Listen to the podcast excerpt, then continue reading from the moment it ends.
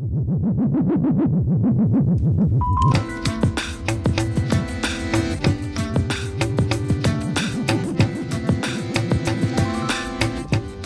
tempo da conversa contamos esta tarde nos nosos estudos con Ricardo Guriarán. Ricardo, moi boas tardes. Boas tardes. Ricardo Guriarán é doutor en Historia Contemporánea eh, especialista en Historia da Guerra Civil, tamén Historia da Ciencia, eh, que fixo a súa tese de doutoramento sobre ese período de eh, efémera gloria que houbo na Universidade de Santiago antes da Guerra Civil. E precisamente neste período de tempo ao redor da Guerra Civil transcorre a película Os fillos do Sol, película que se estreou o pasado domingo na televisión de Galicia. Os Fillos do Sol conta os inicios da compañía Celtia de Porriño cunha trama centrada no químico catalán Fernando Calvet. Calvet foi un novo e renovador catedrático de Química Orgánica da Universidade de Santiago que logo de ser represaliado tras a Guerra Civil ten unha segunda oportunidade a fronte do que hoxe ben poderíamos chamar o Departamento de I+D dunha incipiente Celtia. E así, para pechar este pequeno círculo, temos que dicir que precisamente ti fuches asesor histórico dos Fillos do Sol. Sí, sí. E a primeira vez que te dedicas a estas leas. Pois sí, era un, é unha unha intervención transversal máis na miña dilatada por vello vida de creación e quedei satisfeito, moi contento, tanto eh, por terme escollido Pepe Coira e de algún xeito que os traballos que se fixeron atrás sobre esta temática, tanto a nivel institucional como persoal, da Universidade de Santiago e do propio Calvet, e mesmo de Celtia, e que vin por dentro todos os, vamos, todos os bimbios de, de o que supón unha factura dunha película, quedei alucinado, e por outro lado, quedei moi satisfeito tamén do, do resultado. A boa, Einstein, moi boas tardes. Hola, boas tardes. Eh, sei que aquí ti tamén viches Os fillos do sol. Vina, vina, é eh, unha película moi moi moi emocionante intelectualmente, penso eu, hmm. non? Sí, sí, sí, sí. Falaba Ricardo dos bimbios. Eh, temos aquí, tes un amigo aquí, a Pepe, non? Sí, Pepe Coira. Hola, boas tardes, Pepe Coira. Boas tardes. Pepe Coira, é guionista desta produción Os fillos do sol, e como se arman eses bimbios? Bueno, Pois, eh, primeiro intentando intentando entender ou coñecer o máis posible a historia real do que, o que vamos contar, non? O cales foron as circunstancias, cales foron as persoas, e cales foron cales poden ser as, as, as súas intencións, non? Eh, e aí era clave, era alguén como Ricardo que, que tanto leva estudado e tanto nos podía aportar de, do coñecemento dele. E logo intentar traducir esa historia real ao que é un o, que son os as formas dunha dunha historia de ficción, non? Eh, nos intentábamos contar as cousas con maior rigor posible, pero ao mesmo tempo sabendo que do que se trata é de é de que o espectador bueno, disfrute do, do que é un relato, non? de do que é unha narración. Entón é poder mesturar ter un pé posto nunha lógica que era a ficción e outro pé posto na lógica da, do, do relato histórico, non? da divulgación. Mira, Pepe, eh, eu, resido aquí no Alén, eh, bueno, aquí no Alén, xa sabes, convivo con moitas, per, per, con moitos persoeiros de, de, de, da vida que xa están criando malvas, e un deles é o generalísimo, non? E fíxome moita gracia esa especie de justiza poética de facelo falar falar en, en galego. E, e además, en a versión catalá, en catalán. En catalán, non me fastidies. Sí, sí. seca que sí. Mira, eh, hai unha cousa que, que me chama a atención eh, e supoño que, que, que tamén os, os, os espectadores da peli se preguntarán se a anécdota esa na, na carta na que o reto que, que plantexa o, o Franco de, sobre o conto de Branca Neves es, esa anécdota é real ou, ou é un artificio da, da ficción? Ah, é unha, é unha anécdota inventada eu creo que foi eu creo que foi eu son un dos cinco guionistas da, da película fomos cinco e eu creo que foi unha ocurrencia que a todos nos gustou moito de Daniel Domínguez que foi un tamén un dos primeiros guionistas que se incorporou ¿no? é unha pura é unha pura invención de feito incluso a, a propia a propia reunión José Fernández co, co generalísimo sería algo algo inventado, ¿no? pero sí, eh, sí nos servía para ver como pudieron ser as eh, os equilibrios, as necesidades que tiña que tiñan en Celtia, que tiñan os Fernández de poder estar a ben co réxime de Franco como para poder sacar adiante algo como Celtia e en xeral todas as iniciativas que tomaron no, no, seu, no seu momento. Pero, mira, unha cousa, Pepe, eh, hola, son Ricardo. Va, en, en, en vaya lea que nos meteron aquí. Mira, eh, resulta que, efectivamente, hai algo, algo que, que de algún xeito pode lembrar transversalmente que é a permeabilidade que tiñan os Fernández, por razóns obvias e por facer valor de cambio de determinados, determinadas necesidades eh, en tempo bélico, para poder entrar ali e sí que teño constancia que en algún momento os Fernández dixéronlle a Franco ou a súa contorna inmediata de que as mellores mentes eh, para desenvolver un proxecto científico como Celtia que estaban no cárcere é que podían, insisto, facer valor de cambio todos os produtos cárnicos, de mm, vegetais, de produtos extrativos do subsolo, etc., facer valor de cambio presos eh, por suministro. E neste caso sei que funcionou, en algún caso en concreto de alguén que estaba no cárcere, como o propio Peixoto era, non? Sí, sí, sí. Peixoto, mm, eh, claro. que teóricamente ou en principio era Faustino Cordón, inda que non a xente non o percibiu, eh, algunha da xente, e quen era o do, o do tal era inventado tamén, dice, non, eu penso que podía ser que é o que o que tal. Ah, mira, Pepe, e a sentencia esa de morte que está asinando Franco Antonio Pereira é inventada tamén. Antonio Pereira, Antonio Pereira es un chiste interno. Antonio Pereira fue supuña, un supuño. muy meritorio director de arte da película, ¿no? Sí, o, o meu eh, amigo César Goldi coñece. Ou sexa que eh, pra, eh, eh es que esta pelea que revela, eh, porque ten eses chiscos, está esa sentencia de morte de Franco que hai que parar hai que parar ese fotograma e, e ver o nome do, do, asina, do Antonio Pereira Saqués, está exactamente, non é? Sí, sí, sí, sí, pero digo, todas las películas están cheas de detalles, eu este nin o lembraba, eh? eh todas, todas están sempre cheas de detalles eh, e señan mellores ou peores, eh, toda película merece, merece a pena vela máis dunha vez como para atoparlle ali cousas que, que nun primeiro visionado non, non pillas.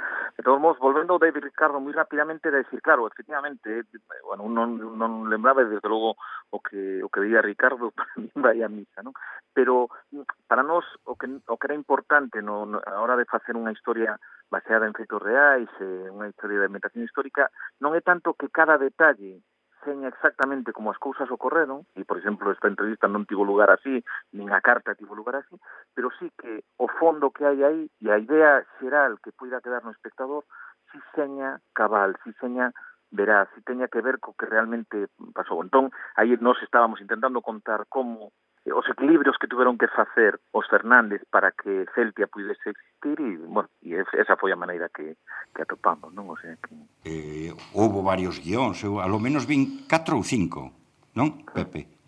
Sí, e, foi moito sí, traballo. Sí, foron catro ou cinco guións os que supervisei, os que correxín, os que suxerín, sobre todo, bueno, claro, eu nesta, nesta dimensión de ficción e realidade non me movo, e efectivamente eu creo que o guiño está, está ben feito, eu estou moi satisfeito polo resultado da película, e incluso porque a sociedade galega poda ver en primeira, por primeira vez o que pasou realmente con unha veracidade que se aproxima bastante ao que realmente aconteceu, eh? eh e bueno, eu xa digo, non teño máis que decir cousas boas da, da película polo resultado, que eu non a vira ata o luns, eh, que Non a viras ata o luns? Non, non, non, e só a vi unha vez. Agardo que me pasen algunha copia para poder visionar e eses detalles pequenos poderlos ver. Eh, pois eh, eu coido que, que o dos grandes méritos, polo menos desde a uh, nosa perspectiva que ten os Fillos do Sol, que esta é unha parte da nosa historia mm, que coñecen moi ben os especialistas, co como Ricardo, que no mundo da historia da ciencia en Galicia coñécese moi ben pero que non chegara ao público. Non, non, tamén eh, no mundo da ciencia en non? Galicia. Pensas que coñece. non? Non, non, ou non se quere coñecer, cuidado, que ten Ajá. o seu, eh, ten o seu, é dicir, o tema de, de poñer un tupido velo en determinadas accións que se levaron a cabo nunha universidade periférica como era Santiago, a chegada a comunidade científica internacional, naquel momento, de, de repente, un apagón e unha, unha universidade nova con suficiente adhesión Ainda queda moita xente que non quere saber nada deso, eh? Pois deso imos seguir falando. Eh, Pepe Coira, moitas grazas por atender a nosa chamada. Gracias. Eh, parabéns por ese peliculón, Os fillos do sol. Vale, pois agora imos debullar esa parte eh, do que ese contexto histórico desa universidade periférica, pero que eh, desenvolve unha ciencia de primeiro nivel. Necesito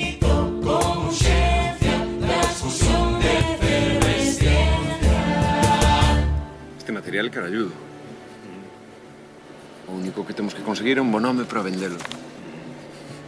Que che parece Panergot? O que ti digas, diso sabes ti moito máis. Esta rapaza hai que fichala. A Carmela? É moi boa. E creo que ven connosco este colmo. Pois cando volvas diche contar un par de días que mandan rondando pola cabeza. Ramón, Ramón, Ramón, esa cabeza tuba non para nunca, non sí? Eh? Pero como vai parar? Eh? Eh? eh. Como vai parar se neste país temos todo o que necesitamos? En Galicia a natureza é tan sabia que se sanda a si sí mesma. O único que temos que facer é aproveitarnos. E nesta escena hai outro detalle que probablemente Ricardo nos poda comentar é que están lendo o que Michael Están lendo na praia eh, as publicacións eh, máis prestixiosas do momento. Estaban os científicos que estaban na Universidade de Santiago estaban, digamos, que na cresta da onda. Sí, efectivamente, é dicir, o Chemical Astra é un vademecum onde se mm. recollen os artigos eh, no ámbito no ámbito da química fundamentalmente e, e de todas as ciencias comuns, non? E onde hai transferencia. E, e Calvet foi, é dicir, a chegada de Calvet á Universidade de Santiago e de algúns máis, eh, na propia Facultade de Ciencias, Pois eu podo che dar un dato concreto. O Química Lastra te empeza, empeza na primeira década do século XX a, a emitir os seus list, as listaxes de, uh -huh. de tal, e había, me parece que, catro artigos ata 1929. Tres ou catro. Multiplicáronse ata máis de 60 no ano 36. Eso é un indicador aunque non se lle pode poñer tacha do que estaba acontecendo a nivel de produción científica en Santiago. Santiago, as revistas de Santiago, por primeira vez ven o nome de algúns premios nobeles escribindo artigos na propia revista de Santiago polas conexións que se daban desde a propia desde a propia Facultade de Ciencias. E logo, e logo, é dicir, Calvet foi unha persoa que traballou con tres premios Nobeles. É dicir, Santiago estaba na pomada. Estaba na pomada, estaba no epicentro, incluso con visitas de xente tan importante como Erwin Schrödinger, que estivo aquí. Sí, es, eh, Schrödinger estivo aquí por un motivo moi concreto, que foi un congreso que se celebrou no ano 34, no verán do 34, eh, Asociación para el Progreso de las Ciencias, que se fixo aquí en Santiago, tivose que suspender por, un, por unha eventualidade unha visita o primeiro día ao Pazo de Oca fundiuse o, o, te, o, o solo, o chan de madeira, morreu unha persoa e, bueno, tivose que suspender. Uh -huh. Pero Schrödinger estivo aquí en Santiago e, e, e deu unha conferencia, de feito, no, no, no que é o recinto universitario, uh -huh. eh, no marco deste congreso. E, e falábamos de que, de que a peli amosa moi ben eh, eh, a época, eh, e, por exemplo, Outro detalle é que aparece aí eh, a orixe das especies de Darwin, inda que estamos falando de principios do, do século XX, eh, sigue costando esa recepción das ideas darwinistas. Sí que, claro, é dicir, é que Santiago era o que era. Eu penso que hasta a chegada do reitor de Cadarso a Santiago, a universidade seguía sendo decimonónica, por, por poñer un exemplo que antes coitei aquí, falar de falar de novo a Santos. A, a novo a Santos fixeron unha queima pública de un discurso de comenzo de, de curso da universidade na década dos 20 excomunión, por suposto, e queima pública daquelo que facía reflexións sobre a interioridade do ser eh? e o espírito do ser. Estábame lembrando de cando montamos o laboratorio na facultade. Dicían que estaba tolo. Pois se o visen montando un laboratorio nesta nave, dirían que está como a puta cabra. Necesitamos máis xente. Eso está feito. Necesitamos xente que saiba. Ti sabe a cantidad de mestres que hai aos que non lles deixan exercer? Vostede vai intentar recuperar a cátedra, profesor? Quere. Quere como a quen quere reventar unha parede a cabezazos. Cantos intentos levas, Ferran? Dous? Catro. Nicolás... Non lle van facer puto caso. Non queren profesores que molesten nin alumnos. Aquí facemos de sitio. A represión, a represión que viviu toda a intelectualidade da Universidade de Santiago e que neste caso no que falamos deste protagonista de, de Fernando Calvet que a súa arela era recuperar a súa cátedra e tiveron que pasar décadas ata que conseguiu. No, no, décadas non. É dicir, eh, Calvet é expulsado durante a Guerra Civil, prométenlle eh, que non vai pasar nada cando chegue, ingresa no cárcere un tempo, grazas a un exalumno pode ter un, vamos, un recluimento relativamente bo, eh? e o que si recupera a cátedra no ano 40, decembro do 44. Quero decir que décadas non foron, pero foi un período moi duro. Eh? Eh, que pasa? Eh, Calvet, como el propio di, eh, no guión, el fai cada seis meses, unha tentativa nova e tal, e nada, nada, nada, nada, nada. Logo, pois bueno, hai unha certa solidaridade dentro da universidade unha vez, pero isto ten que ver tamén polo momento, é dicir, o 44 xa se vía que a, a, guerra, a, guerra, a guerra mundial iba a perder a Alemania, que non había suficientes apoios aquí para seguir sostendo o panxermanismo e hai unha viraxe unha viraxe e, entre outras cousas, a nivel incluso dentro dos cárceres, os que estaban no cárcere que non colle máis xente. Entón, tiveron que facer unha escarcelación forzada, un alivio de non ter un réximen cuartelario, dictadura, pero un réximen militar cuartelario, e dulcificar un pouquichiño tal no camiño de firmar o acordo do 53, de cambiar o ministro de Asuntos Exteriores por outro propagandista en vez de o que estaba, que era Serrano Suñe, unha serie de, de elementos. E aí se inscribe precisamente esa dulcificación no ano 44. Eh? Ajá. E aí ten sorte Calvet, de feito sae, pero bueno, con certas limitacións de ir a outra a Salamanca, claro, claro. El, el quería volver a Barcelona, pero ese, ese periplo que ten que facer. Sí, efectivamente.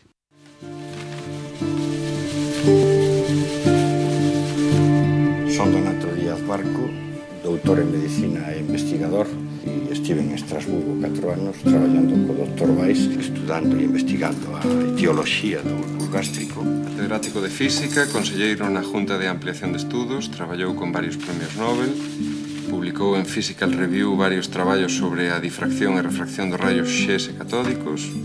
E que lle preguntou a vostede? Benvido a Celtia.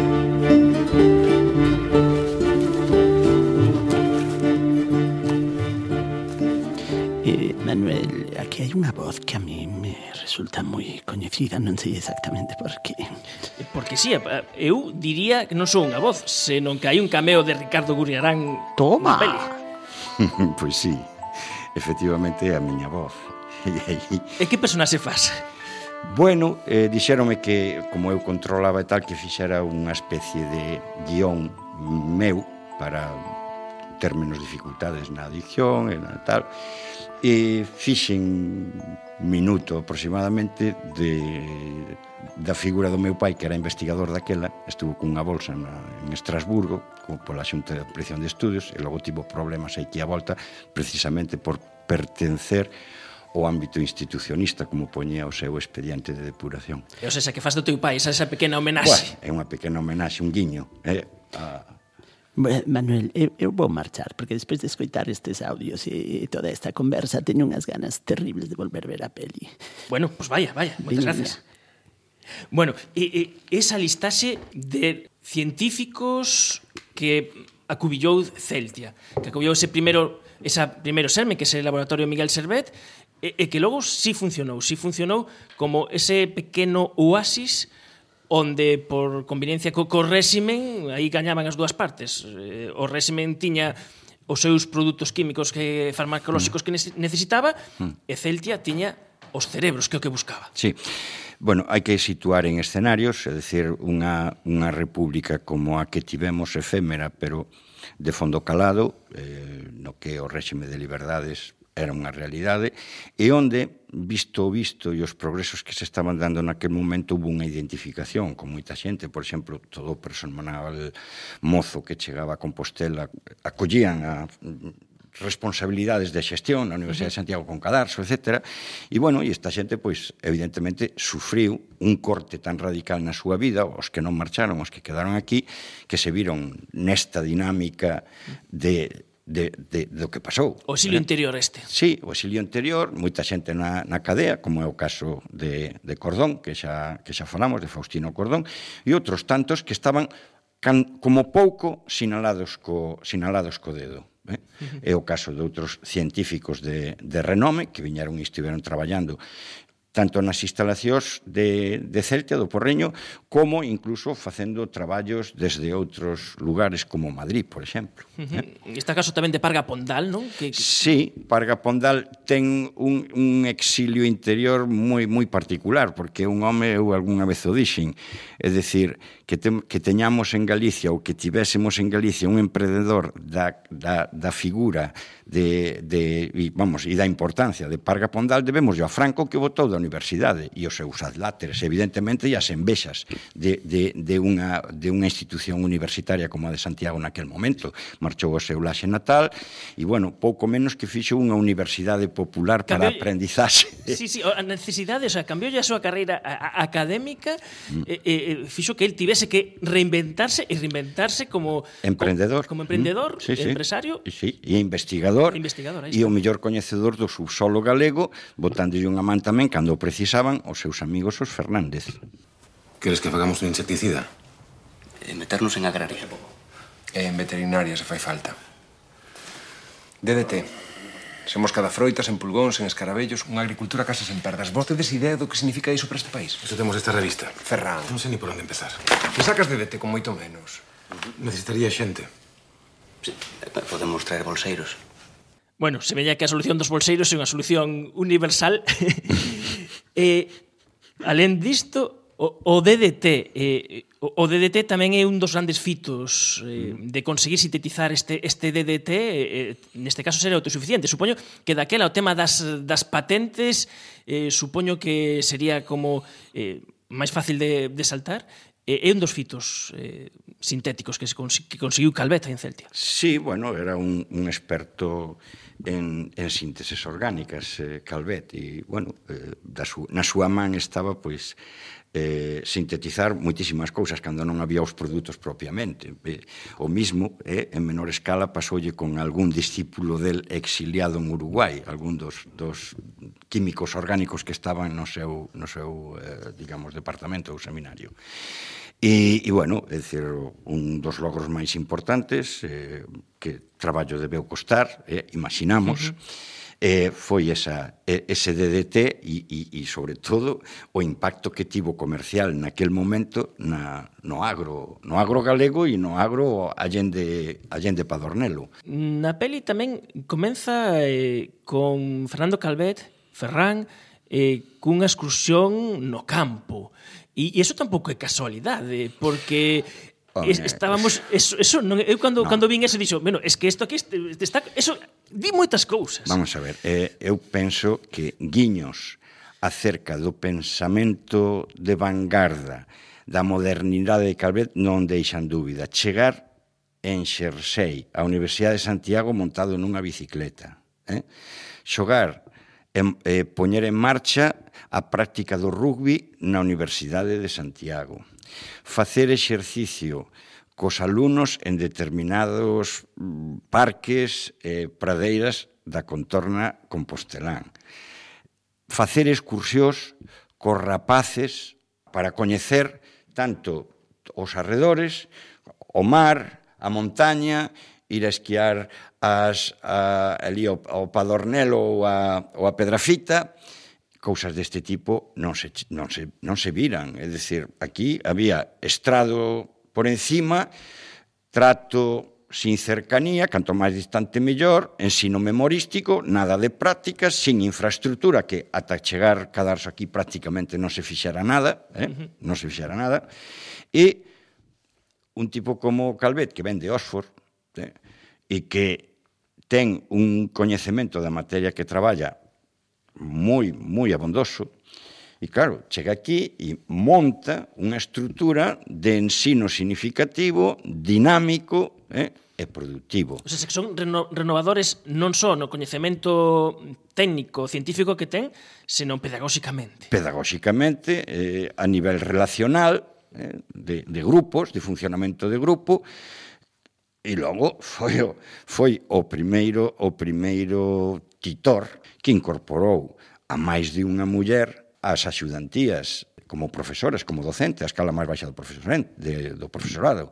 E claro, eso ele Leparga, es foron os, os primeiros que xa digo, crearon grupos mixtos de investigación e as primeiras mulleres que aparecen no Chemical Abstract que antes eh, fixache mención. E, e aquí sí que agora, agora sí podo dicir o das décadas que se tardou en recuperar, neste caso sí, o das pois pues mulleres sí, sí. Efectivamente. Aquí sí vai. Sí, sí, sí, aquí sí vai o, o das décadas que polo menos tres eh, para encontrar un grupo de mulleres sendo docentes como había no curso 34-35 que había oito mulleres. E outra das cousas que aparece mm, bastante ben reflexada eh, na peli, eh, nos fillos do sol, é eh, a cuestión do caruncho. E para falar do caruncho eh, chamamos a un experto que é o catedrático subilado de Química Orgánica da Universidade de Santiago, Enrique Raviña. A comizos dos anos 30, básicamente, se, se constituye en Vigo el Instituto Bioquímico Miguel Servet, y comercializa un preparado integral de alcaloides del cornezuelo de centeno. Este preparado se llamaba pan ergot. Eh, esta materia eh, prima para hacer el pan ergot era el caruncho, que también en otros sitios de Galicia se llama cornello y en Lugo le llaman dentón.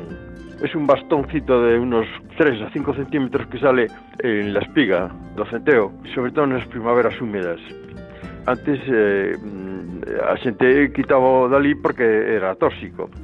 O pan que se facía con farina de centeo produceu durante períodos históricos eh, moitas intoxicacións, de fuego de San Antonio, eh, de, donde las extremidades eh, se gangrenaban, eh, producía convulsiones.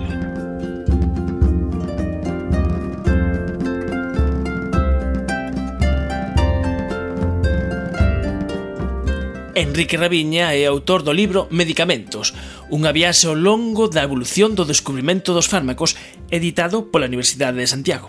En principio se utilizó los estratos del correzuelo en especialidades como la que le acabo de decir, Panergot, pero poco a poco, en la base de la química y de la farmacia, se fueron aislando estos alcaloides.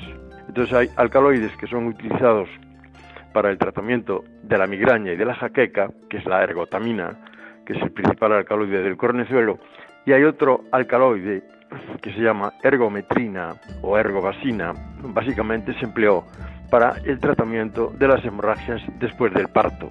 Esto se, se sigue haciendo ahora. Lo que ocurre que ahora se hace con preparados aislados, no con el conjunto de los alcaloides totales.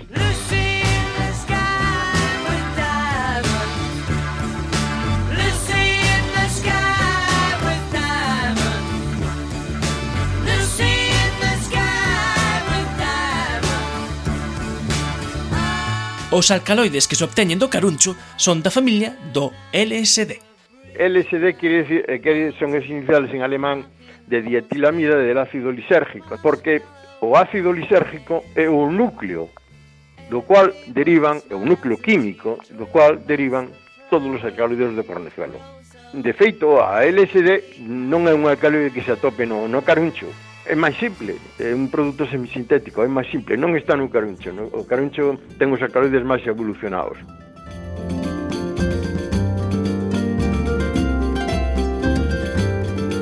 A recolleita de caruncho foi unha fonte de ingresos para moitas familias. Na posguerra, na posguerra da Guerra Civil, mas na posguerra europea, porque coincidiron se, se eh, recogía antes de la SEA e era a operación que se realizaba a mano por mujeres y por niños que adentrándose en los campos cogían en la espiga y desprendían y separaban el, caruncho uno a uno.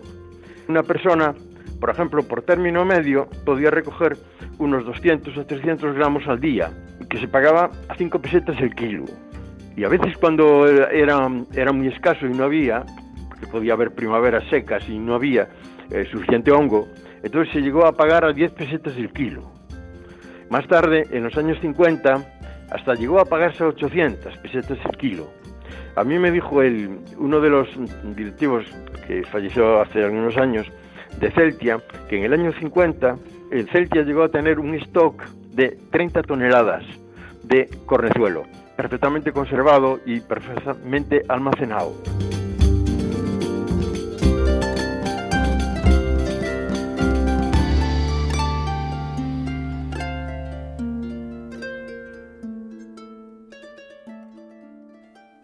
toneladas as que chegou a almacenar eh, Celtia do, do, do Caruncho. Ricardo, o Caruncho que se convertiu en toda unha industria en Galicia.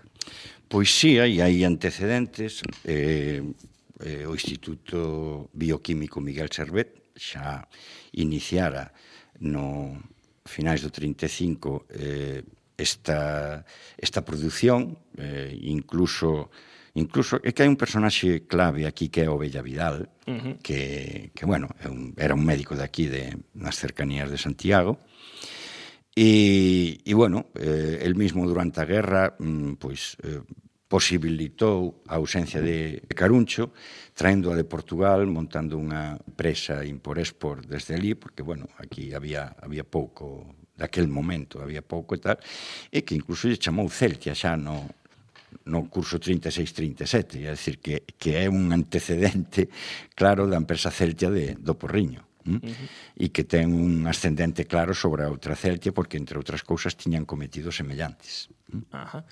Pois esta foi o, o xeito que tivemos de debullar eh, os fillos do sol Vamos a conversar todo isto con Ricardo Gurriarán, que é experto nesta época, e aproveitando que temos nos estudos, E antes de despedirmonos, mm, quería facer unha pequena reviravolta e cambio, porque Ricardo dixo que el mm, na súa faceta creativa fixo moitas cousas. E resulta que temos un ointe eh, en México que se chama Daniel Rodríguez. Eh, por Twitter xa leva moito tempo insistindo, nos preguntou, mm, xa hai tempo que fixemos eh, unha entrevista falando de, de nutrición e a ilustramos cunha canción moi, moi curiosa. Unha noite enteira o porco a desalar Pola mañan cedo os grelos as botar. Garbanzos, chourizos, cacheira, cachón Patacas, pita, a costela e un lacón. Ricardo, ti tamén tes aí culpa desto. Bueno, un período da miña vida bastante grande, 20 anos, foi, formei parte dunha orchestra, a Orchestra Valdeorras, que fixemos varias composicións, entre elas esta.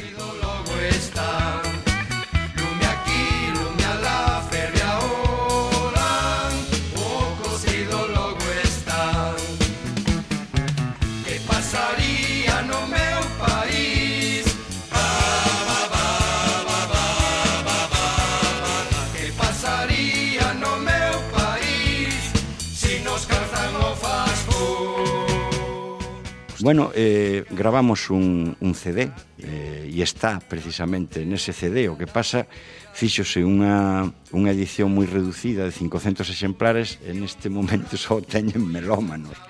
E máis algunha canción da Orchestra Valdeorras eh, en Radio Nacional serviu de música de cabeceira para un programa gastronómico que é Tapita de Pulpo, se chama tamén. Eh, que bueno, que estaba aí tamén, tamén eh, sí. eh, que, que, que lembramos tamén iba, a Benedicto. Iba a decirlo, aí estábamos, estábamos eh, Pepe Paraños, que é un docente tamén como era eu na, naquel tempo, actualmente estou jubilado, Pepe Paraños, eh, que vive en África ahora mesmo, e Benedito que desgraciadamente ten unha enfermedade terrible, eh, unha corea de Huntington e bueno, está mal e, bueno, sirva este, este guiño para renderlle un, un homenaxe a Benedicto que tanto deu a, a, ao país de, no ámbito musical desde o ano 68 naquela aparición de Voces Ceibes na Facultade de Medicina un 23 de abril de 1968 25, perdón.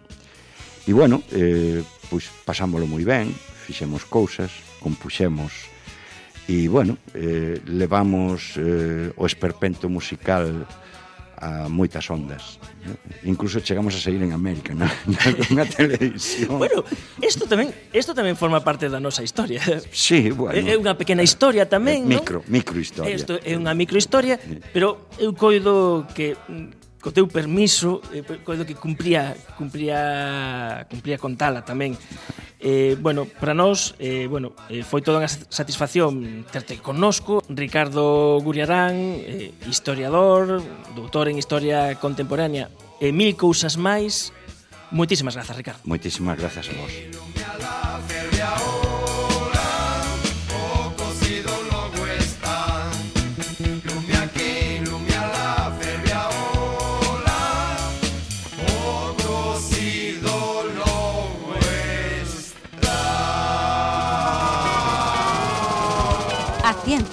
Na Radio Galega.